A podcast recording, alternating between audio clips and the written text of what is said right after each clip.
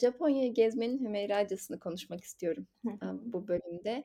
Eee, öncelikle, yani, ilk ne zaman gittin Japonya'ya? Nasıl başladı bu serüven senin için ve nasıl devam etti?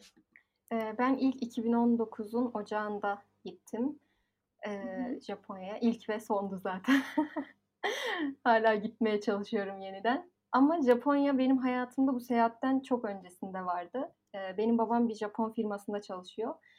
Eee, ben doğduğumda hatta babam Japonya'daymış, öyle söyleyeyim.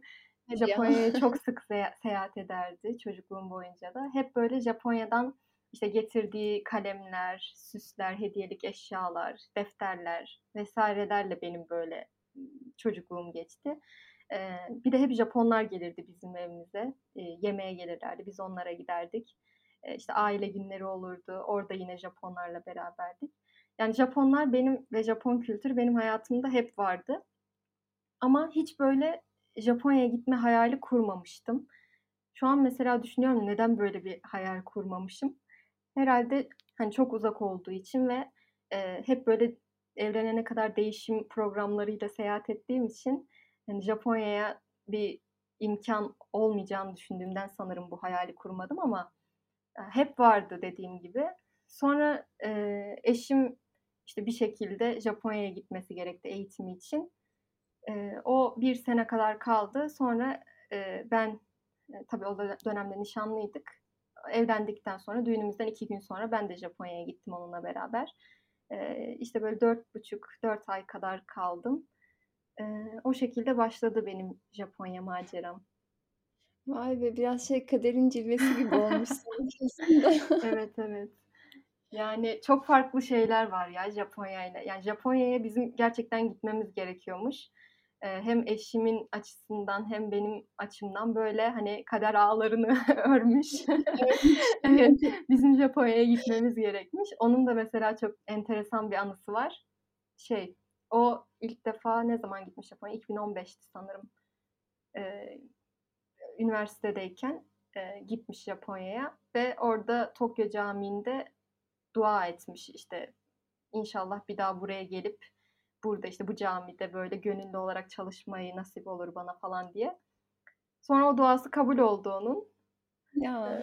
Sonra ben de gittim. Öyle, hani, güzel bir deneyim oldu bizim için. Şey, Tokyo Camii demişken biraz oradan bahsedebilir misin bize? O Tokyo Camii'ne gidenlerden hep duyuyorum. Hı hı. Eee, oradaki faaliyetlerinin çok güzel olduğuna dair, Japonların da çok ilgi gösterdiğine dair, Evet. eee, ve arkadaşım gitmişti, o bahsediyordu. Yani, neredeyse her gün, böyle, hani, kelime-i şehadet getiren Japonlar oluyor, işte, Hı diye. hı. O çok sevmişti camiyi. Senin o camiyle ilgili anıların var mı ve bize biraz bahsedebilir misin camiden, hocasından? Hı hı. Ya, Tokyo Camii gerçekten yurt dışında hizmet veren çok çok önemli camilerimizden birisi. Gerçekten hem mimarisi çok güzel hem de yaptığı faaliyetler çok etkili, çok güzel. O yüzden Japonların çok dikkatini çekiyor. Hatta Tokyo Camii, işte, Tokyo'da gezilmesi, görülmesi ve ziyaret edilmesi gerekenler listesine bile girdi, eee, Japonlar tarafından. Yani, hem mimarisi hem etkinlikleri harika. Bütün, hani, eee, Japonlar gelip orayı görmeye çalışıyorlar. Hayranlıkla seyrediyorlar içine girdiğinde. Çok dikkatlerini çekiyor. Çok fazla etkinlik oluyor. Eee, dediğin gibi şehadet getiren, işte, orada nikâhını kıydıran, düğünü olan, işte, Ramazan ayında her gün, her iftarda yemek verilen ve, işte, öğrencilere destek olan çok güzel faaliyetleri olan bir cami. Ben de oraya, işte, zaten bir 4 ay kadar kaldım. Onun 1 ayı da Asya'yı gezmekle geçti. Kalan 3 ayda da, işte, böyle cumaları derslere katılmak şeklinde oldu. Ama gerçekten, hani, Japonya'da, Tokyo'da, böyle, nefes alabileceğiniz, size bir ferahlık veren bir yer. İnşallah bir daha gitmek nasip olur. İnşallah, inşallah. Peki sen şimdi evlendikten hemen sonra gittin. Ne yaptın orada? Ben sadece gezdim. Gerçekten çok çok Evet. güzelmiş. Ya, şöyle, bizim, işte, döneceğimiz belli olmuştu o zaman biz gittiğimizde. Eee, hani, ü 4 ay sonra döneceğiz gibi planımız olduğu için ben hiç şey yapmadım, hani, bir dil kursuna yazılayım ya da bir programa başvurayım ya da bir yerde çalışayım gibi bir plan kurmadım. Eee, çünkü, hani, hiçbir şeye değmeyecekti. Yani 3 ay okumanın, çalışmanın hiçbir anlamı olmayacağı için, en iyi yapabileceğim şey gezmekti. O yüzden ben her gün eşim o zaman dil eğitimi alıyordu. O okuluna gittiğinde ben de çıkıyordum ve bütün gün böyle sabahtan akşama kadar, o gelene kadar, Tokyo'nun sokaklarını geziyordum. Çok güzel. Peki, o zaman 3 ay orada gezdiysen bize şey verebilir misin? Eee, Japonya'da mutlaka gidilmesi, görülmesi gereken yerler sence nereler? Bence Japonya'da ilk olarak Tokyo mutlaka görülmeli. Çünkü Tokyo'nun böyle hem geleneksel kültüre ait çok tarafları hem de popüler kültüre ait, eee, seçenekleri çok fazla. Yani mesela, emm, Harajuku'dan çıktıktan sonra bu böyle, anime kızları gibi giyinen insanların, işte, modayı takip eden insanların, anime karakterlerinin olduğu caddeden çıkıp birden kendinizi Meiji Tapınağı'nda bulabilirsiniz ya da Japonya'nın, Tokyo'nun en büyük parkı Yoyogi Park'a girebilirsiniz. İşte, hem neon ışıklı hem de aynı zamanda bol ormanlı, bol tapınaklı, bir şehir Tokyo. Eee, mutlaka kesinlikle Tokyo önce görülmeli. Eee, daha sonra Kyoto. Eee, Kyoto'da Japonya'nın eski başkenti, eee, ve ya, çok farklı bir havası var Kyoto'nun. O eski şeyi hissediyorsunuz, hani, sanki o dönemde yaşıyormuşsunuz hissi. Tapınakları öyle, işte, sokakları öyle, eski şehri, işte, bambu ormanları, kimono giyen insanlar, bunlara şahit olmak mükemmel bir şey. Bu ikisi kesinlikle görülmeli. Eğer vakti varsa gidecek olan kişinin, eee, Hiroşima'ya gidebilir. Eee, bu atom bombasının atıldığı, eee, şehri görebilir, oradaki müzeyi ziyaret edebilir. Nara diye bir şehir var. Geyiklerin olduğu, işte, geyiklerin size eğilip eğilerek selam verdiği, eee, bir şehir. Yani geyiklerin, eee, insanlardan belki fazla olduğu bir şehir. Sokaklarda böyle geyikler geziyor. Evet. Her yerde geyik var yani. Oraya gidilebilir, farklı bir deneyim olur. Yani herhâlde kısa bir seyahat için bu kadar bence yeterli. Japonya'nın çok fazla geril gezilecek, görülecek yeri var. Ben kısa süre içerisinde, hani, bunları görebildim ama bir dahaki mesela sefere gitsem, Hokkaido bölgesine gitmeyi çok isterim. Japonya'nın en kuzeyi ve kışın, hani, mükemmel, metrelerce kar olan, böyle evlerin karların altında kaldığı köyleri olan çok güzel bir yer. Eee, onun dışında Okinawa'ya kesinlikle gitmek isterim. O da Japonya'nın en güneyi ve, eee, eskiden Japonya'dan ayrı bir ülke olup şu anda Japonya'ya bağlı olan, Hıı. ve Japonya'nın kültüründen çok çok farklı bir kültüre sahip, eee, bir ada. Eee, orayı da görmek isterim. Öyle, Japonya'da bunlar kesinlikle görülmeli bence. Peki, Japonya dedim, hiç sakura demedin. Ona şaşırdım. Evet, sak Sakuralar nerede, ne zaman? Ya, sakuralar, sakura döneminde tabii çok fazla belirlenmiş yerler var görmeniz, hani, görmek Hı için hı. çok tavsiye edilen. Eee, Tokyo'da tabii çok fazla park var sakuraları görebileceğiniz. Ben Tam sakura mevsimi ne zamandı onun? Sanıyorum nisan gibiydi, yanlış Hıı, baharda hatırlamıyorsam. Hı hı, baharda. Eee, fakat çok fazla turist geliyor o zaman. Hem uçak biletleri çok pahalı oluyor hem kalacak hiçbir yer olmuyor. Hemen doluyor oteller Hıı. ve her yer aşırı kala kalabalık oluyor. Eee, yani, bütün parklar, böyle, o sakuraları izleyen insanlarla dolu olduğu için, eee, hani, seyahat etmesi zor bir dönem diyebilirim. Önceden, böyle, belki planlanırsa, hani, olabilir. Bayağı önceden rezervasyonları yaptırmak mı gerekiyor o Evet, zaman? evet. Hı hı. Peki, şey var mı, eee, senin önerebileceğin, eee, hani, böyle, gezilecek yerler dışında orada katılabileceğimiz, böyle, deneyim noktaları? Hı hı. Yani, Japonya öyle bir ülke ki hiçbir şey yapmasanız, sadece sokağında yürüseniz bile size bir sürü deneyim kazandırır. Ben Japonya'ya ilk gittiğimde şey demiştim, "Ya, burası dünya üzerinde bir yer olamaz. Yani, burası başka bir başka bir level artık." Çünkü gezdiğiniz, gördüğünüz hiçbir yere benzemiyor. Yani, bir Avrupa'ya gidiyorsunuz mesela, eee, temel olarak bir Avrupalı, eee, insanı yargılarınız vardır. Bir Avrupa şehri yargılarınız vardır. Hani, Türkiye'ye de benzer. Çok büyük, böyle, o aşırı farkları yoktur, hani, mimarisi vs. dışında. Normal şehir dersin yani. Ne bileyim, Orta Doğu'ya gittiğinizde, eee, kültür benzerliklerini görürsünüz. Ama. Japonya bambaşka gerçekten. Yani hiçbir yere benzemiyor. O yüzden Japonya'da sadece dursanız bile çok farklı, ııı, şeyler, eee, görebilirsiniz. Ama onun dışında tabii Japonya'ya ait birçok gelenek, görenek, işte, deneyimlenecek şeyler var. Eee, mesela Japonların çok fazla festivali var, matsuri dedikleri. Hani, gittiğiniz her an bir matsuriye, bir festivale denk gelebilirsiniz ve çok, böyle, şeyli olur, şenlikli olur onların festivalleri. Böyle, bir sürü, eee, Japonca, böyle, ilahilerin, şarkıların söylendiği, bir sürü kalabalığın olduğu. Ona katılabilirsiniz denk gelirseniz. Onun dışında çay seremonisi tabii Japonlar için çok önemli. Eee, çay seremonisine bir çay evinde katılabilirsiniz. Eee, kimono giyebilirsiniz, kiralayarak. Tokyo'da da olur, Kyoto'da da olur. İşte, Tokyo'da Asakusa bölgesinde, bu Tokyo'nun eski, eee, yeri diyebilirim. Orada, işte, kimono kiralayıp o tapınakları ziyaret edebilirsiniz. Böyle, bunlar bence yapılabilir ama dediğim gibi hiç para vermeden de çok fazla şey görebilirsiniz Japonya'da. Festival demişken seninle ilgili araştırma yaparken görmüştüm de şey, her şehirde bir festivale denk geliyormuşsun sen. Doğru mu? Evet ya, öyle bir nasibim var gerçekten. Mesela ilk aklıma gelen Tayland'a gitmiştik, Bangkok. Orada, işte, sanırım Soran'dı ismi, Soran Festivali. Eee, festivalde şey, eee, insanlar su tabancalarıyla birbirlerini ıslatıyorlar. Ya, 3 gün, herhâlde 2 gün mü 3 gün mü ne kalacaktık. O gün boyunca, yani o 3 gün boyunca o festival devam etti ve, eee, ve her yer ıslaktı.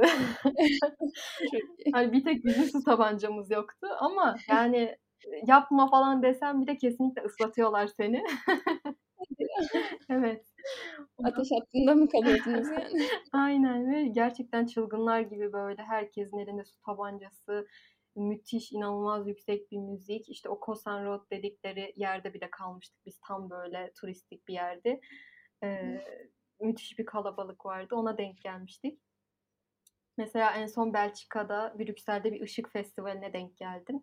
O da çok güzeldi. Böyle, şehrin içinde 3 ayrı rota oluşturmuşlar. Hem şehri geziyorsun hem de ışık festivalini deneyimlemiş oluyorsun. Öyle her şehirde mu mutlaka büyük küçük bir festivale, bir etkinliğe denk geliyorum. Yani, şey, inşallah bir nazara gelmez de çok şey yaptım bunu ya, ben her şehirde bir festivale denk geliyorum filan diye. Şu ana kadar devam ediyor bakalım. İnşallah yine görürüm yani. Bakalım, şey, İsviçre taraflarında da bir festivale denk gelirsen A! o zaman Evet. Bakalım ya, inşallah. Sen bir de Nihayet Dergi'de yazıyorsun galiba, değil Hı mi? hı. Şöyle yazmışsın: "Büyüdükçe sanırım daha dikkat eder oldum mevsimlere, çiçeklere, ağaçlara, doğaya. Japonya'da öğrendiklerimin bunda çok büyük etkisi var tabii. O yüzden yeri çok ayrı. Bir yıl boyunca bir döngüyü tablo gibi seyretmek muhteşem." yazmışsın. Burada Japonya'da öğrendiklerim dediğin nedir? Japonya'da doğaya verilen değeri gördükten sonra gerçekten ben de artık buna çok dikkat eder oldum. Hem doğaya verilen değer hem o mevsim geçişlerine, işte, sakuralara, sonbaharda, işte, kı kızıl, sarı ağaç yapraklarına, işte, bonsai ağaçlarına vs. verilen böyle önem, değer, özen, daha doğrusu özen bu kelime, evet, çok dikkatimi çekti. Ve, hani, bunu Ne yapıyorlar özen derken? Yani, şöyle, eee her Yani, mahallede bizden farklı bizden farklı ne yapıyor olabilirler ki yani? Ba bazılarını senin için demiyorum ama bu gerçekten çok romantik bir şey gibi geliyor. Eee, hani, romantikleştirilmiş bir şey gibi daha hı. doğrusu. Hani, "Ya, yok Japonların böyle bir şeyi yok." falan. Aslında onlar ağaç kesiyorlar. Ya, Japonya'da kesmiyorlar ama, işte, Çin'deki bütün ağaçları onlar kesiyorlar falan diyorlar. Yani, olabilir böyle şeyler ama, eee, hani, Japonların böyle bir kültürü var. Doğayı takip etme, işte, 1 yıl boyunca, eee, mevsim geçişlerini takip etme, işte, bunları şiirlerine yansıtma. Mesela Japonların, Japon edebiyatında Haikyuu dedikleri şiirleri var. O şiirlerde doğa temasını mesela çok fazla görürsünüz. Eee, mevsim geçişlerinin kendine has özellikleri vardır. İşte, sakura, baharda sakuralar vardır ve, eee, herkes sakuraları izlemeye gider. Onun ayrı bir terimi vardır. İşte, hanami, eee, yaparsınız, sakuraların altında piknik yaparsınız, onu izlersiniz ve bunu gerçekten yapıyorlar. Yani, Eee, o kadar çok Japon gördüm ki ağacın önünde, işte, hem fotoğrafını çeken hem resmini yapan, onu izleyen, sonbaharda, işte, o sarı yaprakların altında yürüyen, onu deneyimleyen. Bunlara çok özen gösteriyorlar, ve hani, bu biraz da şeyden, Japonların inancından, Şintoizm'den kaynaklı bir şey olduğunu düşünüyorum ben. Yani yaptığım araştırmalarda onu gördüm. Hı. Şintoizm'de her şeyin, her varlığın bir ruhu var ve her var şeyin bir tanrısı var. Eee, yani bir ağacın da tanrısı var, bir nehrin de tanrısı var, Hımm. gökyüzünün tanrısı var ve siz o tanrıya saygı göstermek zorundasınız. Hani, ona zarar vermemek zorundasınız. Mesela özellikle bu temayı Ghibli filmlerinde çok gör görürsünüz. Eee, işte, Ruhların Kaçışı, Prenses Mononoke.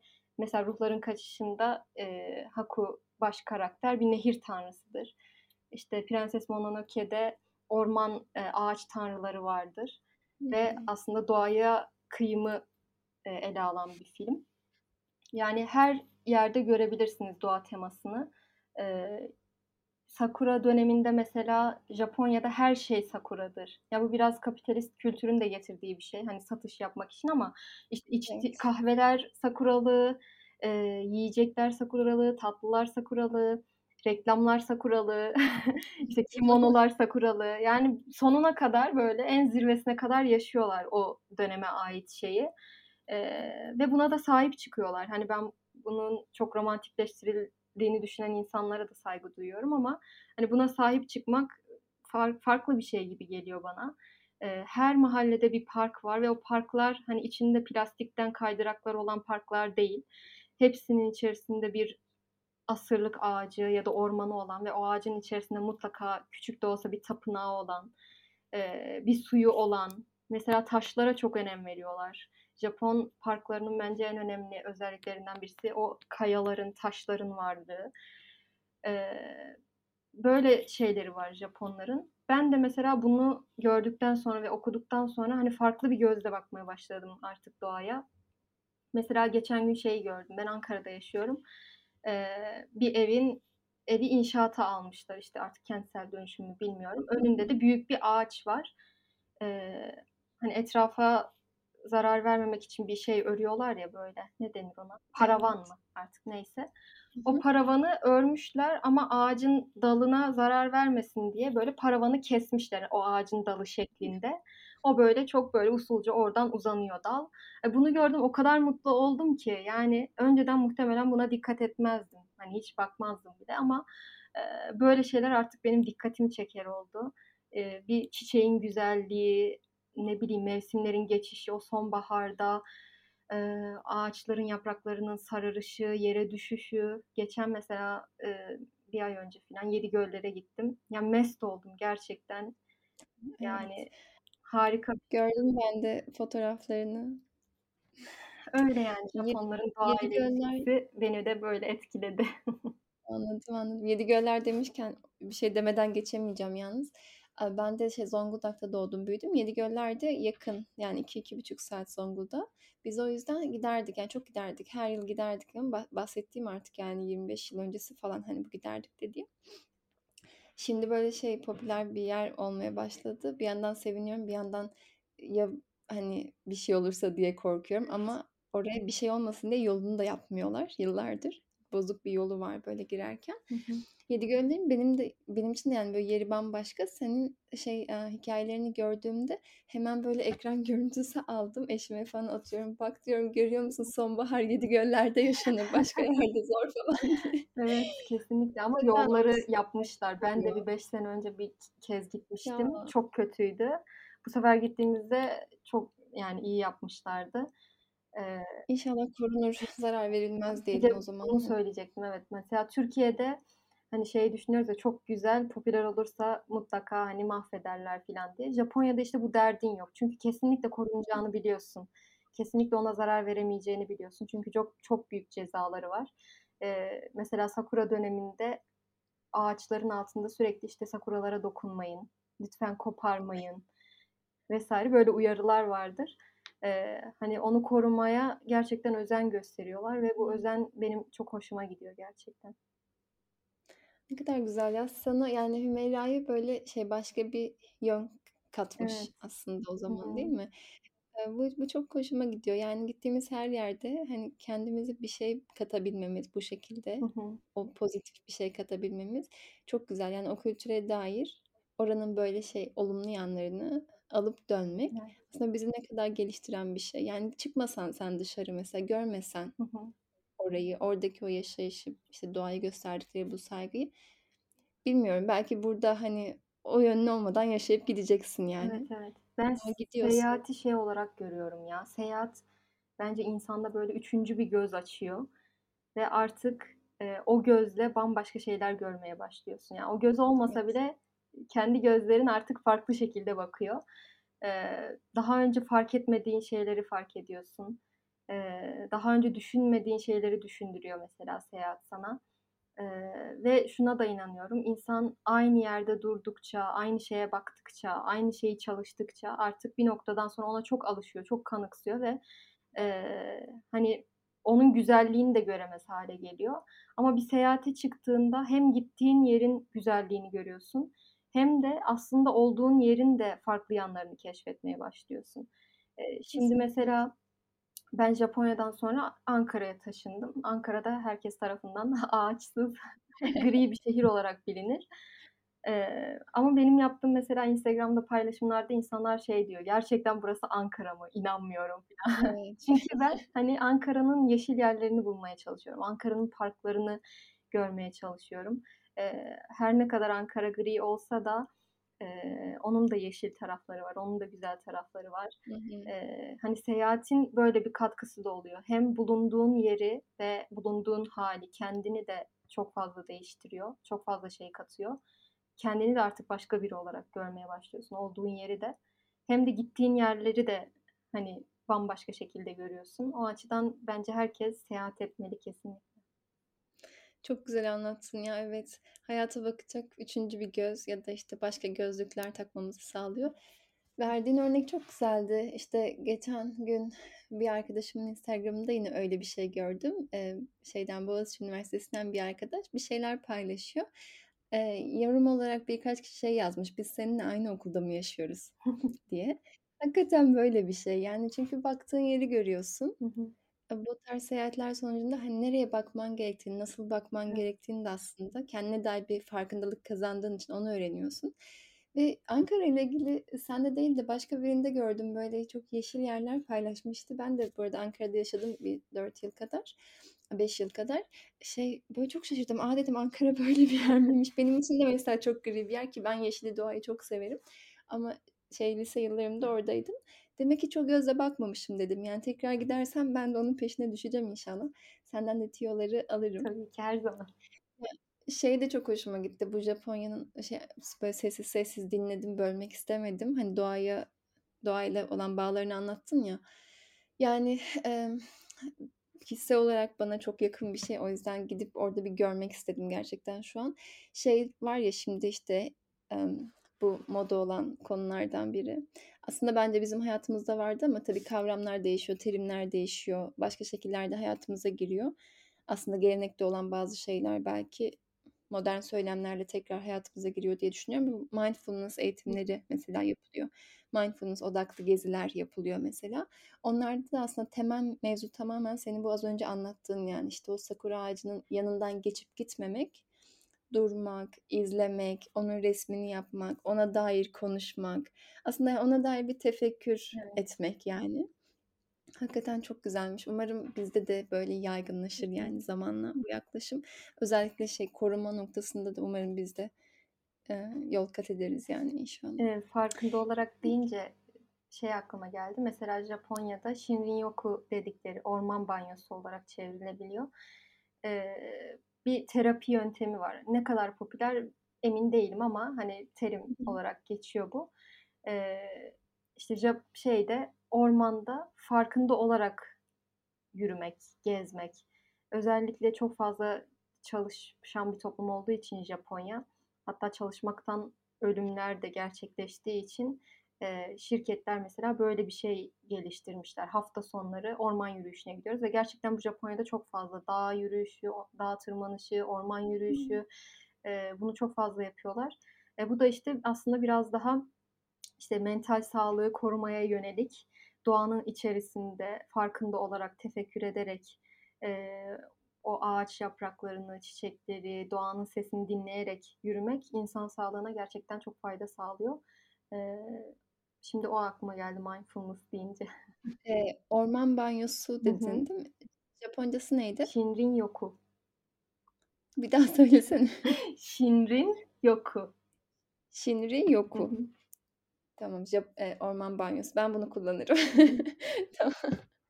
Çok güzelmiş. O zaman bundan sonra şey, a, işte, bir or ormana gidelim demek yerine orman banyosu yapmaya gidelim Evet. diye kullanacağım bunu çok sevdim. Peki, bir şey daha soracağım. Japonlar için söylenen her söz, her kelime bir ruh taşıdığı için çok önemliymiş. Böyle tabulaştırılan, uğurlu olduğu düşünülen kelimeler hangileri? Sanırım bu Nihayet'te bununla Hı ilgili bir hı. yazı yazmıştın. Evet. Eee, bu da aslında Şintoizmle biraz alakalı. Az önce bahsettiğim, işte, her şeyin ruhu var. Her şeyin ruhu olduğu gibi kelimelerin de ruhu var. Eee, aslında Japonlar, eee, şu an yapılan araştırmalara göre, hani, %90'ın üzerinde ateist olduklarını söylüyorlar. Hani, hiçbir şeye inanmadıklarını Hımm. söylüyorlar ama Şintoizm, eee, günlük yaşantının bile her yerinde var. Eee, biraz da gelenek hâline gelmiş. Hani, eee, e öteden beri şey yapılan böyle kelimeler var. Mesela 4 rakamıyla, eee, ölüm rakamı, şey, ölüm eee, kelimesi aynı söyleniyor. İşte, "shi" mesela. Eee, 4 rakamını o yüzden çok kullanmamaya çalışıyorlar. Eee, işte, şeylerde, asansörlerde 4 numaralı kat bazı asansörlerde diyeyim yok. Ya. evet, o aklıma geldi. Bir de mesela uğurlu denilen, eee, kelime mesela şey, eee, bu KitKat var ya çikolata. Evet. Onun Japonca, eee, şeyi Kittokatsu diye bir şey ve Türkçe'ye, hani, şöyle çevirebiliriz: "Kesinlikle kazanacaksın, kesinlikle başaracaksın." anlamına geldiği için, işte, üniversite sınavına girecek, iş görüşmesine gidecek kişilere KitKat mesela alıyorlar. Eee, hatta orada üretilen KitKat'ların arkasında, paketin arkasında şey oluyor, işte, mesaj yazabileceğin böyle bölmeler falan oluyor. Hımm. Hani, bu tarz şeyler var Japonya'da. Kelimelere de, hani, dikkat ederler. Zaten Japonca e, başlı başına konuşulabilecek bir konu. Hani, kelimeler anlamında, eee, kullanımlar anlamında. O yüzden, hani, kelimelerin ne ne de çok dikkat ediyorlar. Sen şimdi Japonca kelimeler demişken şimdi, eee, mütercim tercümanlık okumaya başladın, 2'nci sınıftasın. Evet. Eee, şimdi gerçekten neden? Ben kişisel olarak da çok merak ediyorum. Yani, neden bir insan, hani, Japonca mütercim tercümanlık okumak ister? Bir de, hani, ilk üniversiten de Hı değil. hı. Eee, 2'nci üniversiten mi şimdi bu? Evet. Eee, ve çok da zor bir bölüm olsa gerek diye düşünüyorum. Dil çok Hı zor. hı. Onun detayını öğrenmek daha da, aaa, zordur. Eee, yani, bu yola çıkmaya iten şey neydi seni? Hani, tamam, bir ülkeyi gezersin, seversin, beğenirsin, kültürünü yakından tanımak istersin ama bir de niş de bir alan. Yani, bildiğim kadarıyla var mı Türkiye'de çok fazla Japonca mesela kitap tercümesi yapan kişi vs. çok yoktur diye düşünüyorum. Yani, Japonca bölümü Türkiye'de, emm, Kayseri, Ankara, Çanakkale'de var. Yani, 3-4 Hımm. okulda var. Eee, mezun olanı da var ama, hani, Japon edebiyatı mesela Türkiye'de, hani, çok son zamanlarda yeni yeni popüler olan bir edebiyat. Fakat, hani, çok iyi çevirmenler de var gerçekten. Eee, Japoncaya benim merakım, işte, bahsettiğim gibi Japonya'ya gittim, Japonya'dan büyülendim ve Japonya'yı daha iyi öğrenmek istiyorum. Japonları, eee, anlamak istiyorum. Yani, benim önceki alanım psikolojik danışmanlık. Din psikolojisi yüksek lisansı yaptım ve Japonya'yı Japonya'nın, eee kültürel psikolojisini araştırmak istiyorum ben. Hani, bunu bir şey olarak da görüyorum, akademik olarak buradan devam etmek Evet. etmek istiyorum. Buna devam edebilmem için kesinlikle Japonca bilmem gerekiyor. Yani, mesela Japonya'da bir okula başvurdum. Eee, okulda Japonca şartı yok. Okulun dili İngilizce, bölümün dili İngilizce, Hı hı. ama Japonca bilmediğim için mesela elendim. Eee, yani, Japonya'da bir kariyer yapmak istiyorsanız, Japonya'da yaşamak istiyorsanız, eee, kesinlikle Japonca bilmeniz gerekiyor. Eğer sosyal bilimlerdeyseniz özellikle Japonca muhakkak şart. Ama bunların da ötesinde, hani, bu kariyer, eğitim vs.'nin ötesinde gerçekten anlamak istiyorum. Yani çok ilgimi çekiyor. Çok merak ediyorum. Nasıl düşünüyorlar? Ya, bu kelimenin anlamı ne? Eee, bunu nasıl çevirebilirim? Japonlar bunu neden burada kullandı? Yani gerçekten çok ilgimi çekiyor. O yüzden üniversiteye neden girdim? Hani, Japonca öğrenmeye burada başladım, buradan başladım ama dil kursuna gitmek istemedim çünkü dil kursları çok pahalı. Üniversite sınavına gireyim bir dedim. Girdim, Japonca da geldi.